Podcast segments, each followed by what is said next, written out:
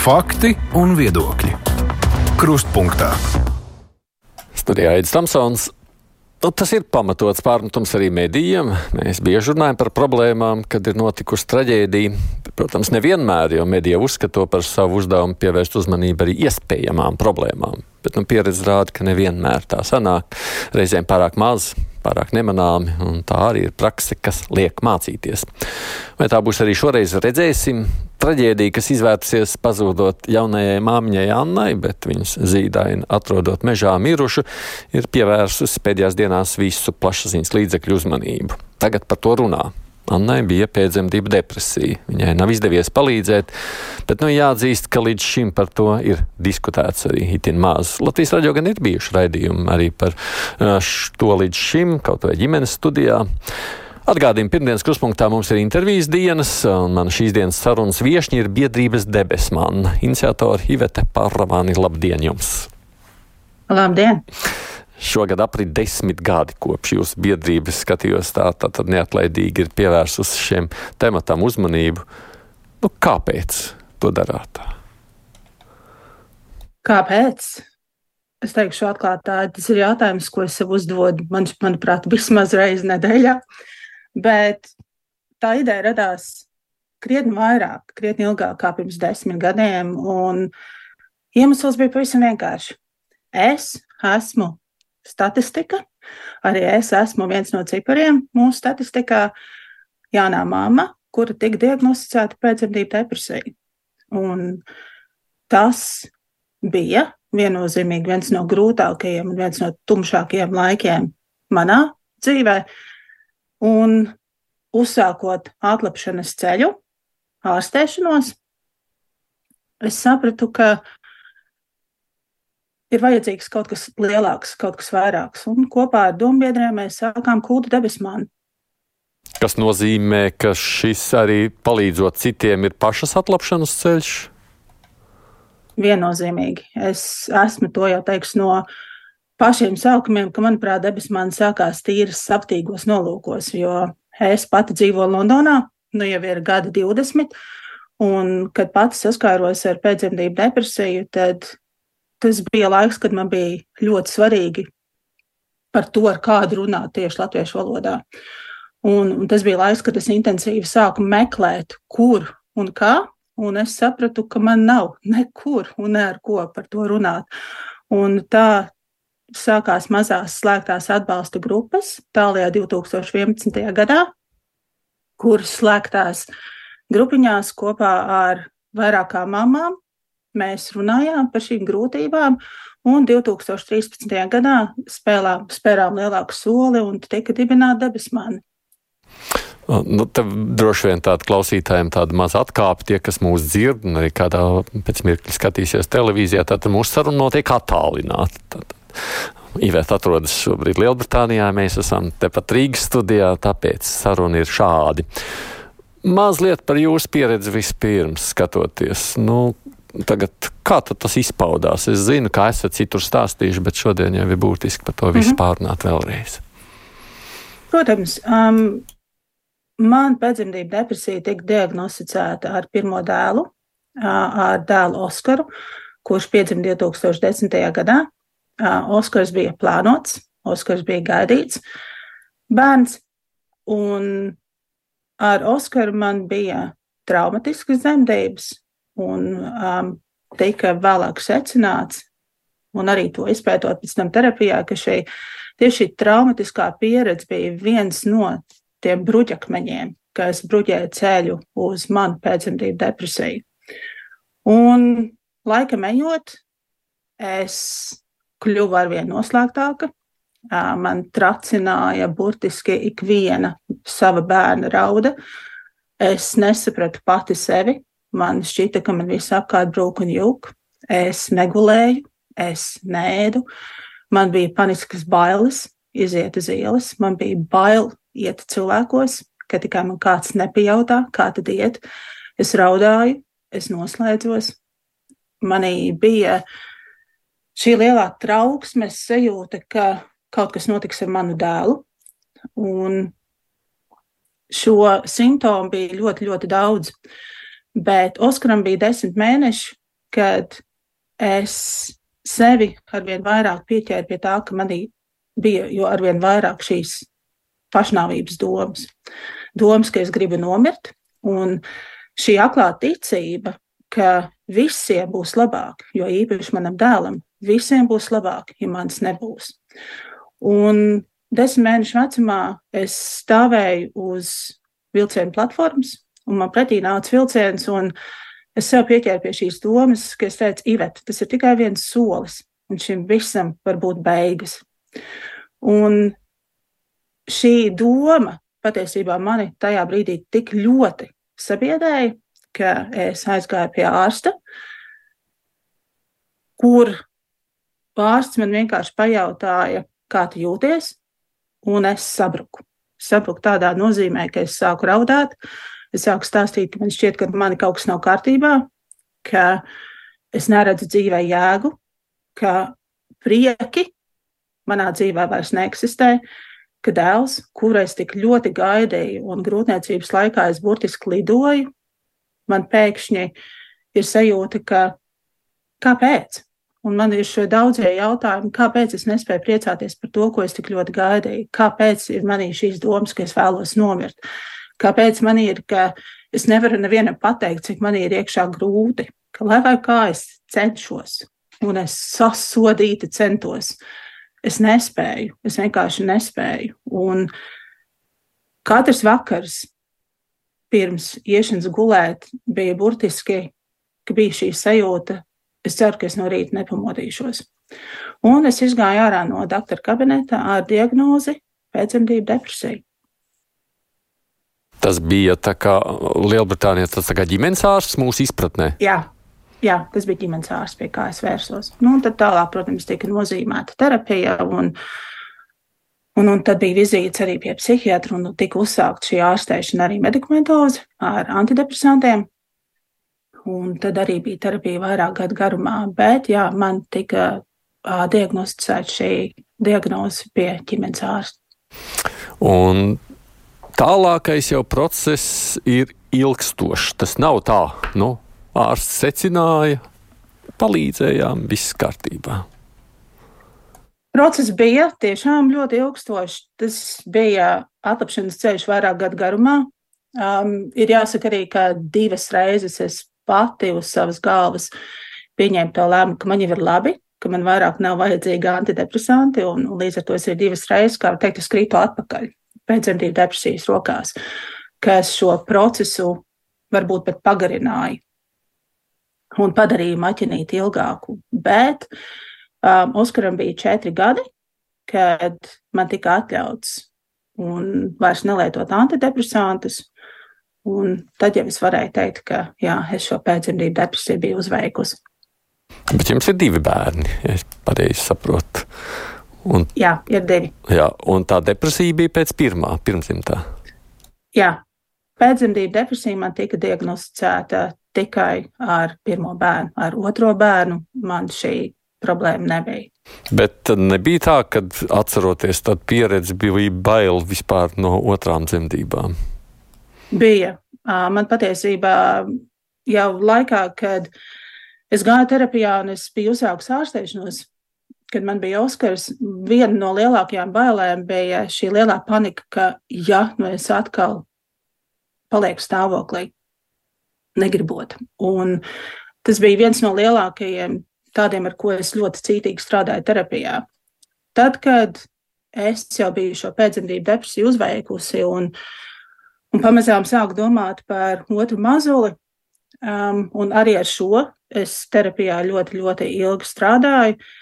Un uzzinot, ka es gaidu otro bērnu, es aizgāju pie ģimenes ārsta.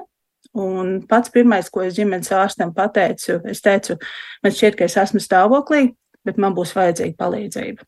Un, un līdz ar to jau grūtniecības laikā es uzsāku terapiju. Es sāku iet katru nedēļu terapijā, visu grūtniecības laiku.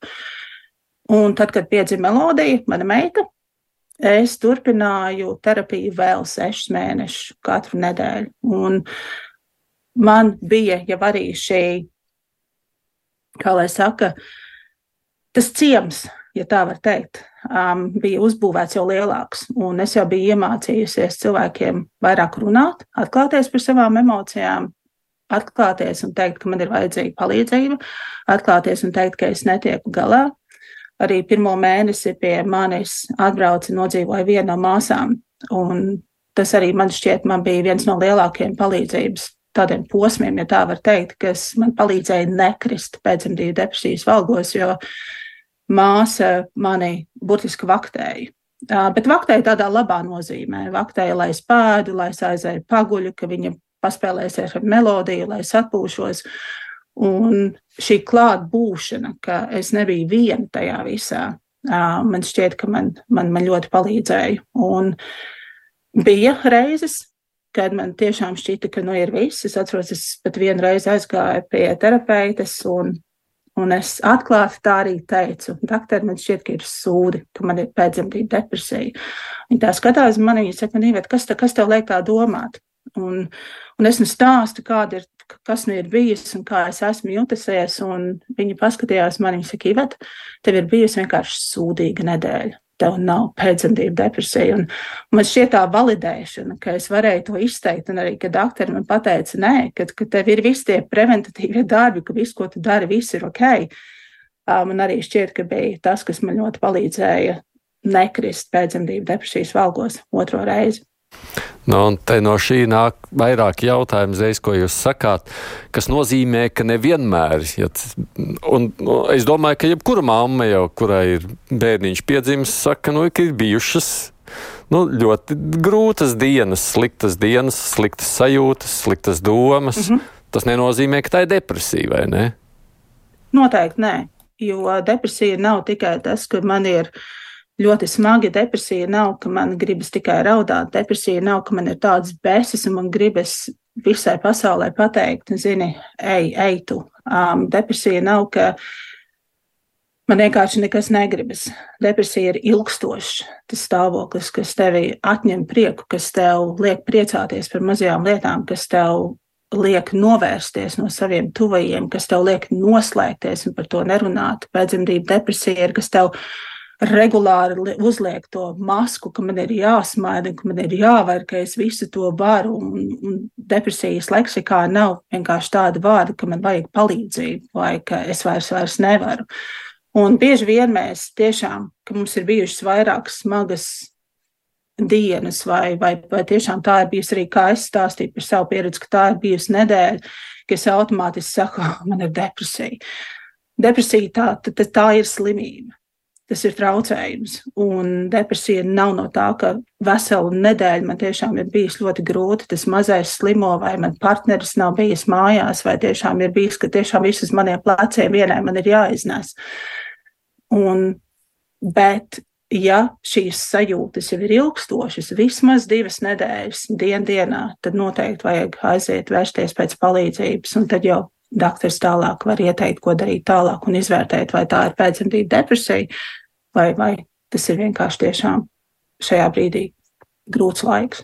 Es, es apzinos, ka mēs runājam lielā mērā no pieredzes skatu punkta un no tās informācijas, kur jūs esat arī šajā laikā jau uzkrājusi.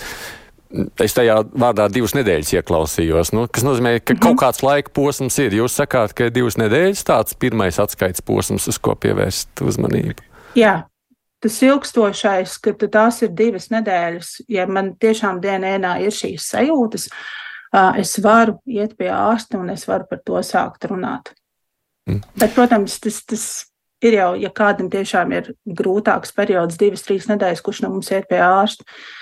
Nu, nu reti kurš, jā. Mēs apkārt arī dzirdam to saņemies, mēs apkārt arī dzirdam, nu, paklausies, nu, tur kaimiņi Ivetā iet vēl smagāk, ja viņai viņa viena pati audzina bērns, vai viņai ir solo māma, vai, vai tur finansiāli viņa ir vēl grūtākā periodā. Es atceros, tās bija lietas arī, ko man pārmet. Nu, ko tu vari čīkstēt? Tev ir, tev, ir, tev ir vīrs, un tev ir finansiāli, tev ir nodrošināts, tev ir jumts uz galvas. Ko tad, lai es vispār saku? Ja? Un, un līdz ar to mēs sākam salīdzināt, mēs sākam pārmest. Un tad tiešām es atceros, arī man bija, nu, man tiešām man ir tā sajūta, nu, par ko tad es varu čīkstēt, nu, kam tad es varu to grūtumu izteikt. Bet ja šis grūtums tiešām dien, dienā, nedēļa no nedēļas mani pārņem, viņš paliek visaptverošs. Līdz ar to tas, tas, tas, tas, tas prieks, tā vēlme būt, tā vēlme darīt, tā vēlme dzīvot var samazināties. No, nu, tad, Pēcdzemdība depresija ir. Jā. Te droši vien pie tā jēdziena mazliet ir jāpaliek kaut vai uz dažiem teikumiem. Depresija nav slikts garstāvoklis, jā, depresija nav. Ne. Tā ir saslimšana fiziski, nu, tādā ziņā, nu, medicīniski, nu, vienkārši fizioloģiska saslimšana. Pēcdzemdību depresijai vai, vai jebkurai psihiskai saslimšanai nāk līdzi daudz fizisko simptomu. Un nereti tāpēc arī varbūt mēs pieveram acis to, mēs ārstējam šos fiziskos simptomus. Tās var būt galvas sāpes, tās var būt muguras sāpes, tās var būt locītavas sāpes, tā var būt slikta duša, tā var būt nespēja. Līdz ar to mēs vairāk fokusējamies uz šiem fiziskiem simptomiem. Tā ir nespēja izkāpt no gultas, tā ir nespēja iet fiziski dušā.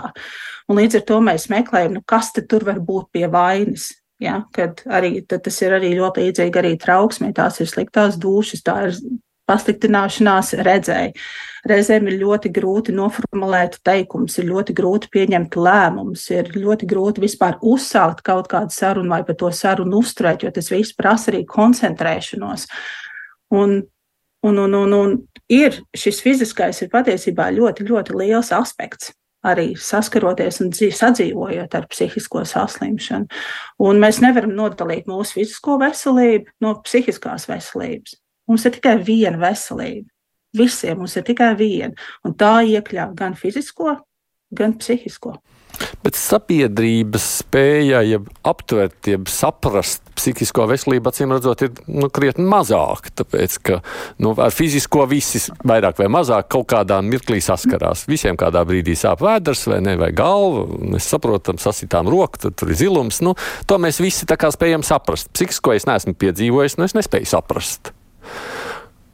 Tieši tā ja es neesmu ar to saskārusies, es arī teikšu atklāti, es arī biju viens no tiem cilvēkiem, kas neticēja psihiskā veselībai. Arī manā uztverē tā bija kaut kāds slinkums, kaut kāda nespēja. Arī manā uztverē tā bija, nu, kam on, nu taču vienkārši saņemies, ja tas, ir, tas viss ir iespējams. Līdz, protams, es pat ar to saskāros un es sapratu, ka tu nevari vienkārši saņemties. Tāpat kā tev ir caurēja, es nevaru saņemties, vienkārši man tā caurēja pāries. Uh, Un, manuprāt, mūsdienu sabiedrībā saprašana mainās par psihisko veselību. Arī man ir patiesībā liels prieks, ka arī jau bērni un pusauģi jau arvien atklātāk un vairāk runāt tieši par šo psihisko veselību, un viņi nebairās arī meklēt palīdzību, ja tāda ir nepieciešama. Bet lielu daļu, diemžēl, joprojām, manuprāt, nomāca stigma jo psihisko veselību mēs tiešām mēs redzam kā kaut ko uh, no Padomju Savienības laikiem, ka tie būs ārsti baltos halātos ar baltām cepurēm, ar restēm logiem priekšā, šie cilvēki vienkārši tiks izolēti, ka viņi vienkārši ir traki, šie cilvēki ir vienkārši norakstāmi. Un psihiskie veselības traucējumi, kā Lielbritānijā pētījumi rāda, ka ar vienu no četriem cilvēkiem, vienu no četriem, tie ir mums apkārt. Tie mums ir visapkārt ļoti, ļoti daudz. Tāpat pēcdzemdību depresija skar nu, vismaz kaut kādu katru desmito māmu. Un es pat uzdrīkstētos teikt, ka ir pat, tas cipars ir pat mazāks, ka nav tā viena no desmit māmām. Un viņi ir mums apkārt, bet tā ir, ir aizspriedumi, tā ir nevēlēšanās dzirdēt, tā ir nevēlēšanās redzēt, tā ir tās varbūt arī grūtības pieņemt šo atšķirīgo neticību, stigmu. Daudz kas tur ir apakšā, kāpēc tieši mēs negribam vai mēs izvairāmies par psihisko veselību, varbūt tik daudz runāt kā par fizisko. Jo fiziskā ir vairāk redzama, tā ir jūtama. Un tieši tāpat kā jūs teicāt, mēs visi zinām, kas ir galvas sāpes, mēs visi esam sasituši, mēs zinām, kā fiziski sāp. Bet to emocionālo sāpju, to ir vieglāk noslēpt, to ir vieglāk aizlikt aiz durvīm un neparādīt. Jo tad tad es esmu vāja. Nu, droši vien, ka te vēl nāk tā sajūta, ka nu, vienmēr ir gājusi cauri, nu, kad mēs augām, tā nebija. Nu, tas ir tas teiciens, sakot, nu kā, nu, nebija kādreiz tā. Kur, kas tas tāds tagad ir? Izlaidība. Jā, un, tieši tā, un šo teicienu ļoti, ļoti daudz. Kara laikā cilvēkiem rokas ņēmās bez anestēzijas. Mēs, kad augām, mums tā nebija. Man bija jāvar viss.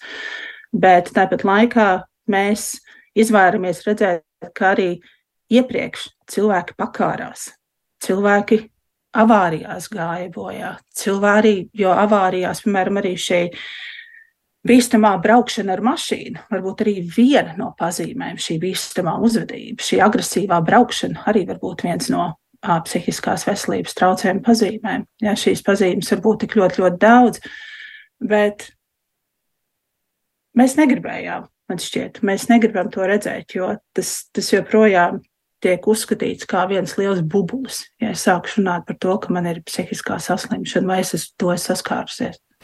Nu, ņemot vērā, ka jūs diezgan daudz pa šo gadu laikā jau esat saskārušies ar dažādiem gadījumiem, Jūs pati sev varat atbildēt, un es nezinu, vai tur ir pētījumi, nu, kāpēc kādi saslimst un kādi nē. Jo tas jautājums jau vienmēr ir, nu, tur ir kādi priekšnosacījumi, tur ir kaut kādi lielāki riska faktori, kas varētu to veicināt. Ir atrodami šādi, nu, kaut kādi skaidrojumi? Psihiskās saslimšanas, pēcdzemdību depresija var skart ikvienu no mums. Tā ir neinteresē, cik tu esi garš, cik tev blondi vai sarkani mati, cik tev veselīgs bankas konts. Tā var skart pilnīgi ikvienu un ikatru no mums. Tā sevī ietver gan apkārtējo vidi, tā sevi ietver gan bioloģisko, tā sevi ietver gan ģenētiku. Tāda konkrēta viena jautājuma, ka es teiktu, ka konkrēti viena cilvēku grupa būtu augstākam riskam, tas nav iespējams. Protams, cilvēki, kuri nāk no sociāli riskantākām grupām vai kuri tiešām saskaras ar iziet, tie riska faktori ir tik ļoti, ļoti daudz. Un, bet tā, ka konkrēti, ka tā būs konkrēti viena vecuma grupa vai tā konkrēti būs tieši tā. Bet tad, kad cilvēkam notiek nelaime, viņš jau bieži jautā, nu, kāpēc man, kāpēc es? Jūs sev nejautājāt šādi, nu, kāpēc es? Jautāju. Un nenogurstoši es jautāju, kāpēc es, jo tas bija jautājums, uz kuru atbildes man nav joprojām. Un tas ir jautājums, uz kuru es sapratu, ka es nevaru atbildēt. Vienkārši tā, tā, tā salikās tie mani plauktiņi, ja tā var teikt. Un es arī tajā laikā es nespēju pati atpazīt šīs psihiskās veselības simptomus. Jā, es, es nespēju atpazīt, ka kaut kas nav tā, lai es ātrāk vērstos uh, pēc palīdzības. Bet tas, manuprāt, ir jautājums, uz ko nevar atbildēt. Vismaz es neesmu radusi jautājumu. Es to esmu pieņēmusi. Tagad man arī šī pieņemšana ļoti, ļoti grūti nāca. Es, jo tieši tā kā jau minējāt, ja, ka nu, nu, nu, nu, nu kāpēc es, jo šita, ka nu, nu, es tik ļoti gatavojos, es apmeklēju kursus, es biju finansiāli nodrošināta, bija labas attiecības ar, ar, ar, ar vīru, mēs ļoti plānojām, mēs ļoti gaidījām, ka šķita, nu, nu kur vēl labāk, nu kur vēl perfektāk, ja tā var teikt. Bet atkal tas ir tas pats, ka pēcdzemdību depresijai šis perfektums patiesībā neinteresē. Tas atties, patiesībā ir traucējums. Ja, šī pēcdzemdību depresija tiekties pēc kaut kā labāk, ka man ir jāvar labāk. Un tas ir jautājums, uz kuru es zinu, ka es pati atbildi vairs nemeklēju. Mm. Jūs teicāt, ka nu, pati neatpazināt tos simptomus jūsu tuvākie cilvēki, vīrs, nezinu, kas vēl jums bija tuvumā, viņi, ko jūs jūt, nu, viņi tā kā izrādīja interesi, atbalstu, kā, nu, kas, jo da, bieži jau cilvēkam taču vēl kāds ir tuvumā. Man bija tuvumā vīrs tajā laikā arī nespēja atpazīt pēcdzemdību depresijas pazīmes. Um, tas arī bija laiks, kad manas attiecības ar vīru ļoti pasliktinājās. Tas, tas atkal ir viens no šiem, šīm pazīmēm depresijai, ka attiecības ar tuvākiem cilvēkiem vienkārši ļoti, ļoti pasliktinās. Jo visu to negatīvo, visu to bā, mēs izgāžam pār tuvākiem cilvēkiem. Un tas bija laiks, kad arī man vīrs pats jautāja, ka, nu, un arī teica, ka es esmu ļoti noguris no, no, no tavas sliktās somas, ka par visu tu esi vienkārši neapmierināta. vai arī sabiedrībā mēs runātu, kā mēs atnākam mājās. Es vienkārši es nevēlējos ar vīru vairāk runāt. Tas bija vienkārši tā maska nu nokrīt, ja, un ka man vienkārši tas, tas, tas smagums uzguļas uz pleciem, un tad ir lietas man mieru. Vai atkal es izgāzu to savu negatīvo, to savu sāpju, to savu dusmu, es izgāzu pār viņu pleciem. Kas manī pamanīja šīs pazīmes, bija Anglijā ir tā saucamie health visitor, tādi veselības pārstāvi, kas ir kas pēc mazuļu ienākšanas ģimenē reizi mēnesī nāk uz mājām un tevi apciemo.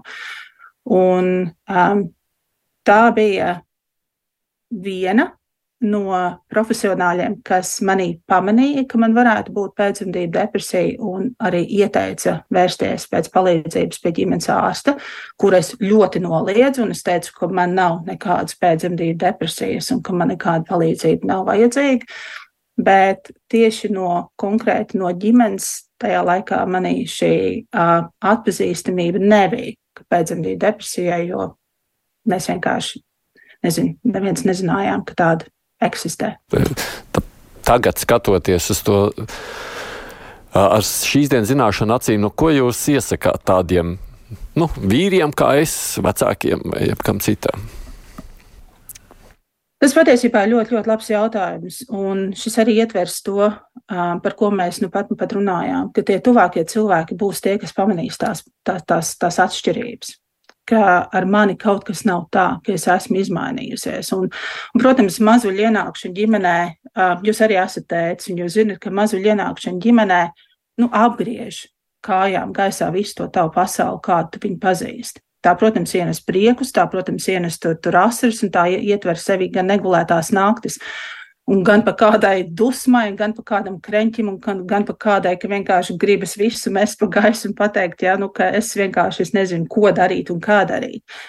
Bet, ja mēs runājam tieši par pēcdzemdību depresiju, tad tiešām tie paši tuvākie cilvēki būs tie, kas var pamanīt tās manas izmaiņas manā uzvedībā, manā valodā, vai es ēdu, vai es guļu, vai man ir mainījušies šī, šī, šī, šī apetīte, vai nu es izvairos no ēšanas, vai nu es atkal ēdu krietni vairāk. Un ne tāpēc, ka varbūt es esmu izsalkus vai ka es nēdu, bet, bet šīs izmaiņas apetīte arī var būt viens no, no, no pazīmēm.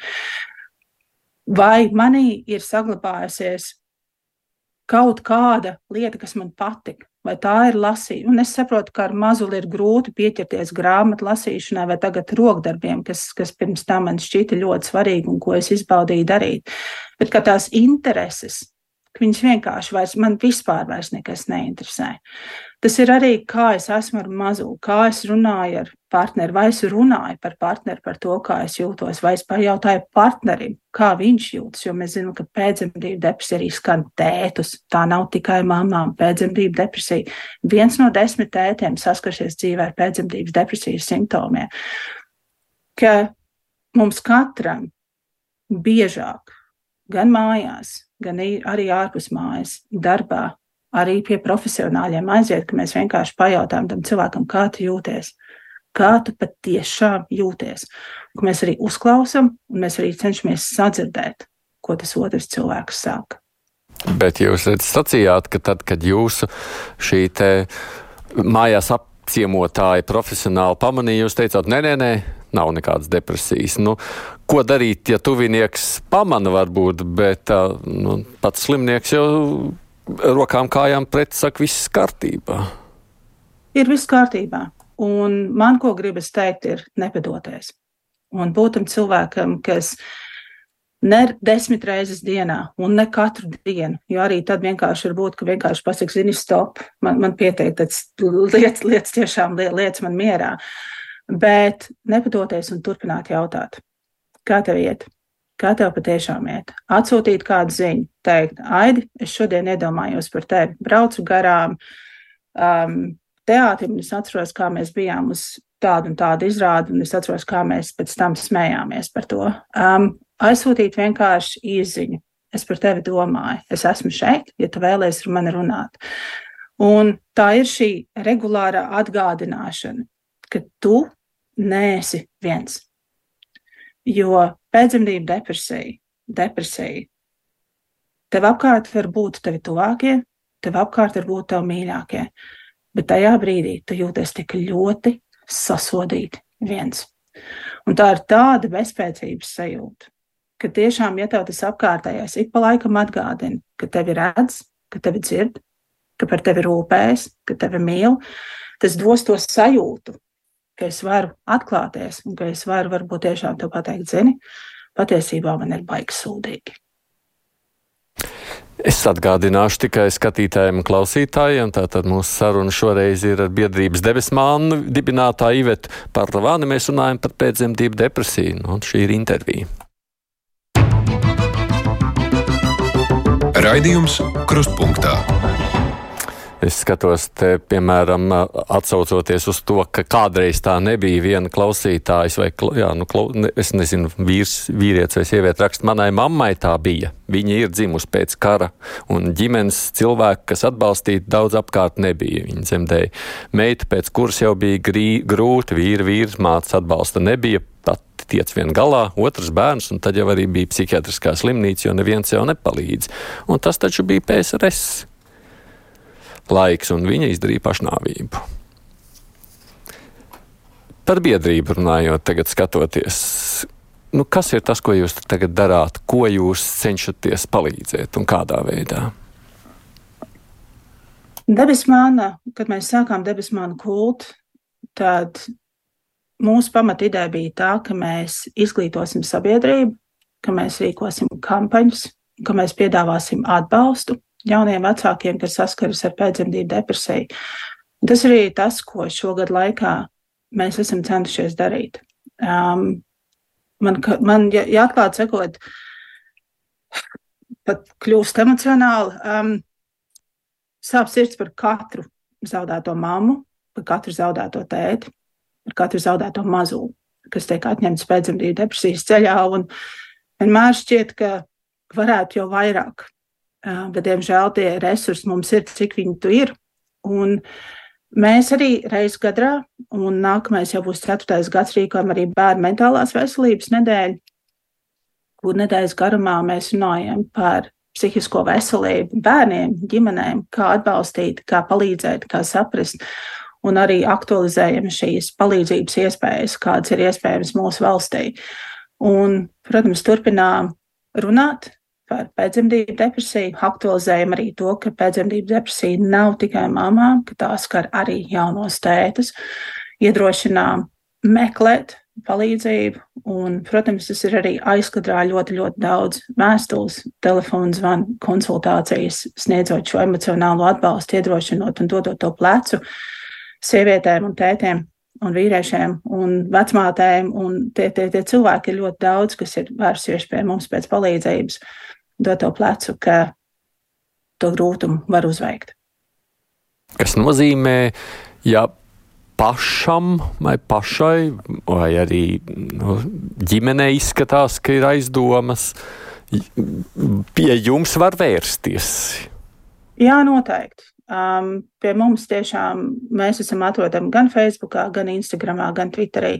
Uh, var rakstīt vēstules. Um, Es katru dienu saņemu vēstules, vairāk gan no jaunajām mamām, bet ir arī tēti, kas raksta, kuri pamana pazīmes savos partneros, un mēs sniedzam šo emocionālu atbalstu, mēs sniedzam šo iedrošinājumu, mēs liekam jauniem vecākiem palīdzēt apzināties, ka viņi šajā ceļā nav vieni. Um, ja mēs runājam tieši par praktisko pusi, tad patreiz mēs to varam piedāvāt ļoti, ļoti minimāli. Pirms dažiem gadiem mēs spējām arī piedāvāt terapijas apmaksātas jauniem vecākiem, bet, diemžēl, resursi mums nav tik daudz, lai mēs to varētu turpināt darīt. Bet viennozīmīgi izrunājot, mēs palīdzam kopīgi atrast, kur vērsties pēc palīdzības, kur aiziet. Um, reizēm, protams, ir arī, ka uh, kāda māmiņa vai tēvs ir aizgājuši pie ārsta un ir saņēmuši šo nesapratni, šo nosodījumu, tad uzklausot un cenšos iedrošināt, ka nebaidīties meklēt citu palīdzību, aiziet pie cita ārsta, kur to var izrunāt. Un, bet šī palīdzība, jā, tādā veidā noteikti ir, ir pieejama, ka var uzrakstīt un, un parunāties. Desmit gadi ir daudz, nejūtat pagurumu arī šādā veidā darbojoties.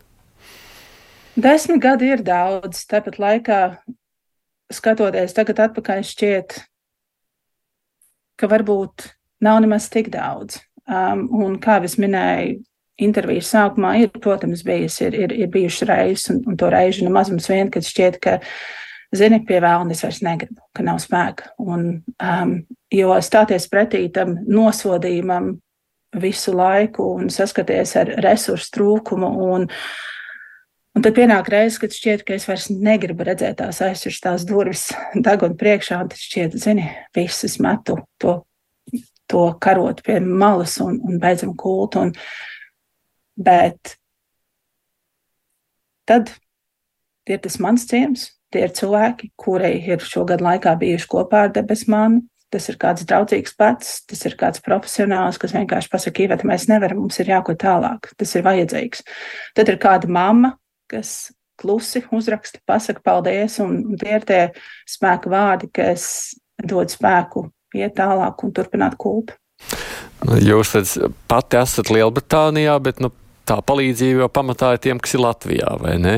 Līdz ar to Jā. jūs varat nu, salīdzināt? Kā jūs salīdzināt, kāda ir attieksme vai situācija mm, tur, kur tagad esat mītnes zemē un kāds ir Latvijā? Tieši palīdzības ziņā? Nu jā, arī varbūt atpazīšanas atbalsta, attieksmes ziņā, visādā veidā starpības, runājot par šo depresijas ārstēšanu tur un šeit.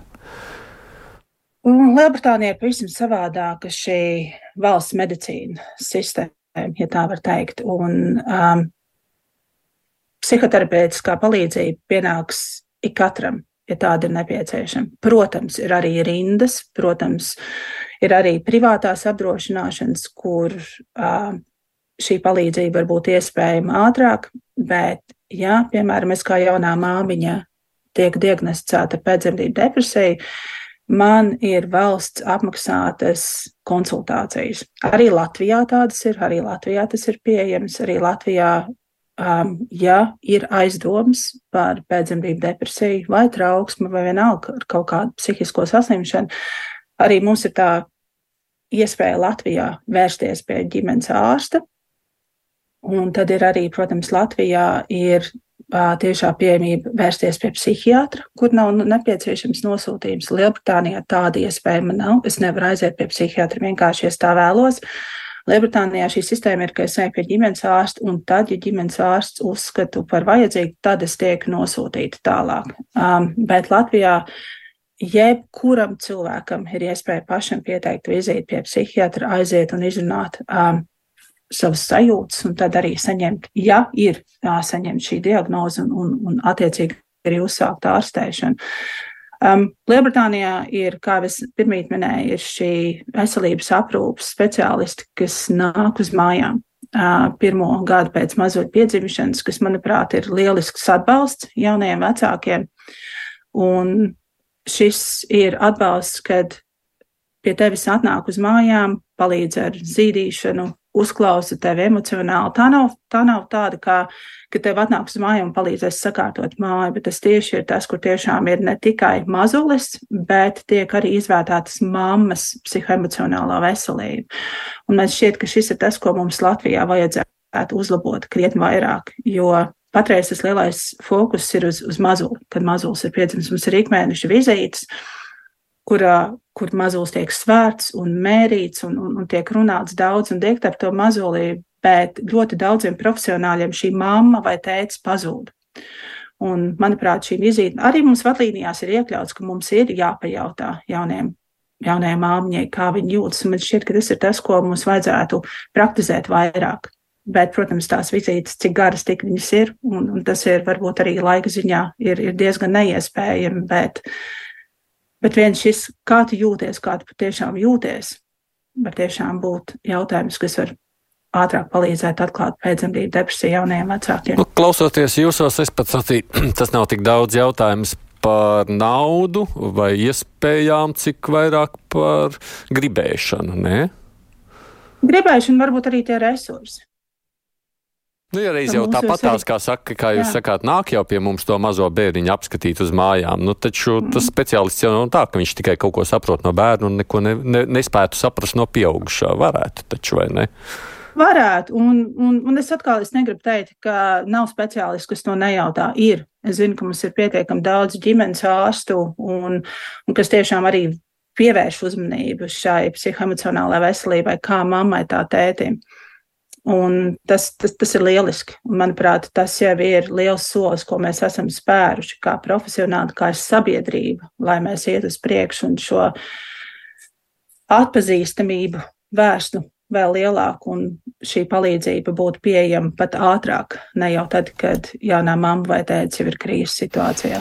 Nu, no šāda viedokļa, protams, lai cik skumji nebūtu atzīt šādas traģēdijas, kādas te tagad Latvijā mēs tikko piedzīvojām, viņas jau, nu, varbūt palīdz tādā ziņā redz sabiedrībai pievērst tam uzmanību un nu, apzināties, runāt, varbūt kaut ko mainīt arī pašiem sevī, vai ne?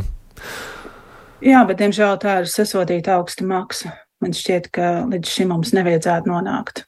Un mums nevajadzētu zaudēt nevienu dzīvību. Um, ja mēs runājam par pašnāvībām, Latvija Eiropas Savienībā ir top augšgalā. Un, un, un tie, tie, tie ir drausmīgi cipari, cik daudz cilvēkus mēs zaudējam pašnāvības ceļā katru gadu mūsu mazajā valstī. Un katra zaudētā dzīvība ir viena par daudz. Un mums, manuprāt, jā, ir vajadzīgas šīs kampaņas, bet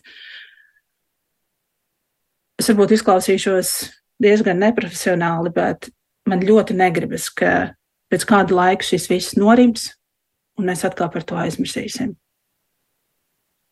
Es ļoti ceru, ka tā nebūs. Jā.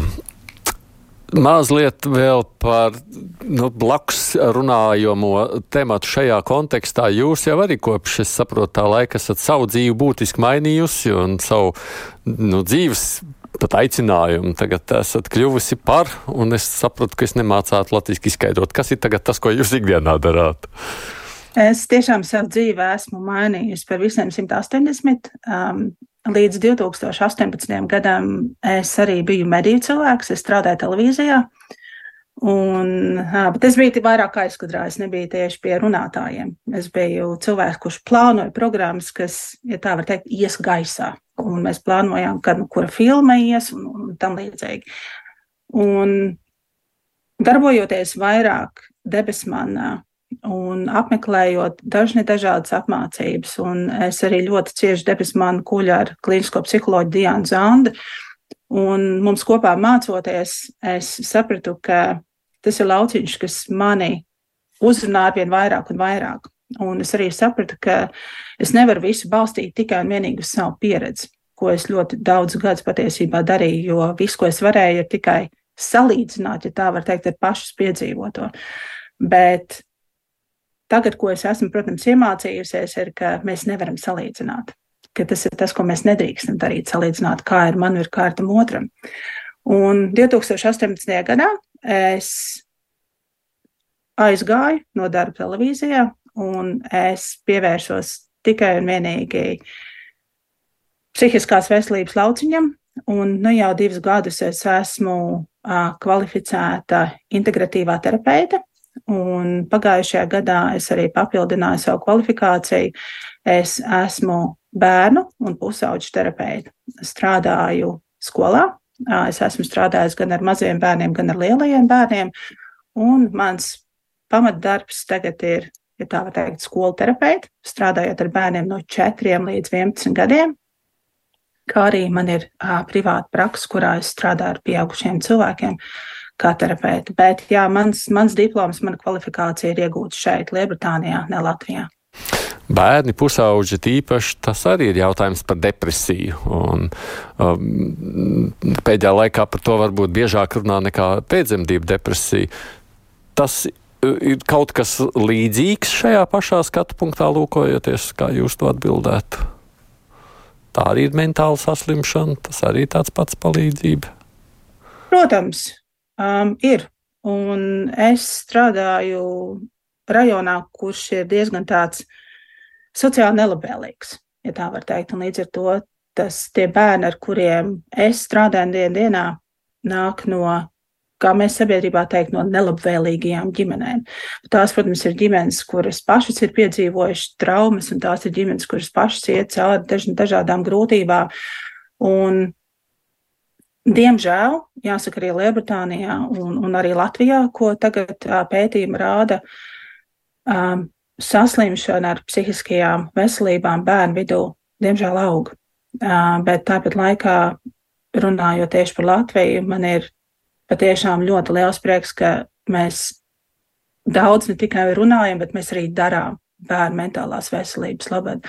Mums ir pusauģu resursu centrs, un, un pusauģu resursu centrs tagad jau izvēršas ar vien vairāk arī reģionos. Um, tā patiesībā, ja mēs runājam par psihiskajām saslimšanām, tad reģionā, reģioni vienmēr ir bijuši tādas sāpīgas vietas, jo tais mazpilsētās tie speciālisti ir, cik viņi ir, un nereti šo speciālistu vispār nav.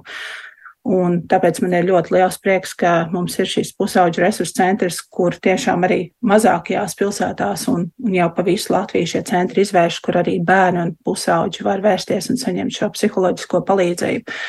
Um, bet, diemžēl, jā, trauksmes un depresijas, ēšanas traucējumi, um, diemžēl tas, tas tie ir traucējumi, kas rāda diezgan šokējošs cipars mūsu sabiedrībā, mūsu valstī. Mums uh, sabiedriskā medija dod pieci šobrīd, tātad kolēģi no radio pieci vispirms, bet, protams, kopā ar visiem pārējiem medijiem šogad pievērsīs īpašu uzmanību pusauģiem jauniešiem ar uzvedības -hmm. traucējumiem. Tas viss savstarpēji ir kaut kā saistāms.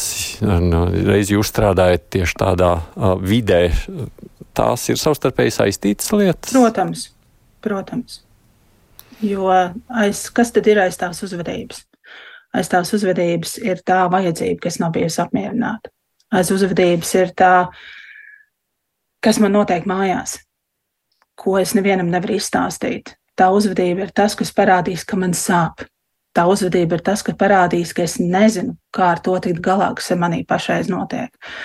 Un man ir ļoti liels prieks par šī gada akcija. Tā arī ir viena, kas man sirdī ir ļoti tuva. Un, un es zinu, ka ļoti bieži mēs šos bērnus ar šiem uzvedības traucējumiem vai ar šo nelabvēlīgo uzvedību atkal mēs viņus norakstām. Bet patiesībā tam apakšā ir tik ļoti dziļa sāpe. Un šie bērni, viss, kas mums ir vajadzīgs, šie pusauģi, mums viņi ir jāredz, mums viņi ir jādzird. Bet ir grūti, Protams, ja tev ir viens šis purainais, kurš sit, kurš kliedz, kurš daudz un kurš šādi izrāda, ir, ir varbūt ļoti grūti viņu saredzēt un sadzirdēt. Bet tas ir tas veids, kā šis jaunietis cenšas pateikt, man sāp. Es gribu, lai tu mani redzi, es gribu, lai tu mani sadzirdi. Un šī akcija, manuprāt, palīdzēs aktualizēt to un varbūt arī saprast to pusauģu uzvedību arī mazliet sīkāk un vairāk. Ka aiz tās destruktīvās uzvedības patiesībā var būt arī mīļš un pūkains pusaudzis. Vai nav tā, jā, vai nav tā ka nu, tādiem jauniešiem, pusauģiem ir vēl grūtāk palīdzēt, jo reizēm vēl grūtāk mēs pamanām blakus esošie? Tā nav? Ir, protams, un ļoti bieži mēs arī uh, Ja mēs runājam, piemēram, arī par depresijas pazīmēm, arī pusauģiem, mēs ļoti daudz norakstam, ah, you know, nu, pusauģi, pusauģi vecums ir traks, ja, viņam tur ir jābūt tādam, un viņam tur ir jā, mēs, mēs nepamanām to. Un ļoti bieži vien mēs arī, mēs kā pieaugušie, mēs paši nezinām, kad arī. Man pašai mājās pusaudzis, kuram ir teju 14, un, un viens no teikumiem, ko es ļoti daudz saku, es protu citus bērnus, es neprotu savējo. Un ir tas, tas, kas ir ar to manu pusaudzi, ka man vienkārši šķiet, ka viņš man vienkārši iznes visas smadzenes. Un es skatos tās grāmatas, kuras man te ir par bērniem, par viņu visu, man šķiet, bet, nu, bet nu kā? Nu, vienkārši, ka es, es kā vecāks, man vienkārši man trūkst un liekas, es vairs nespēju.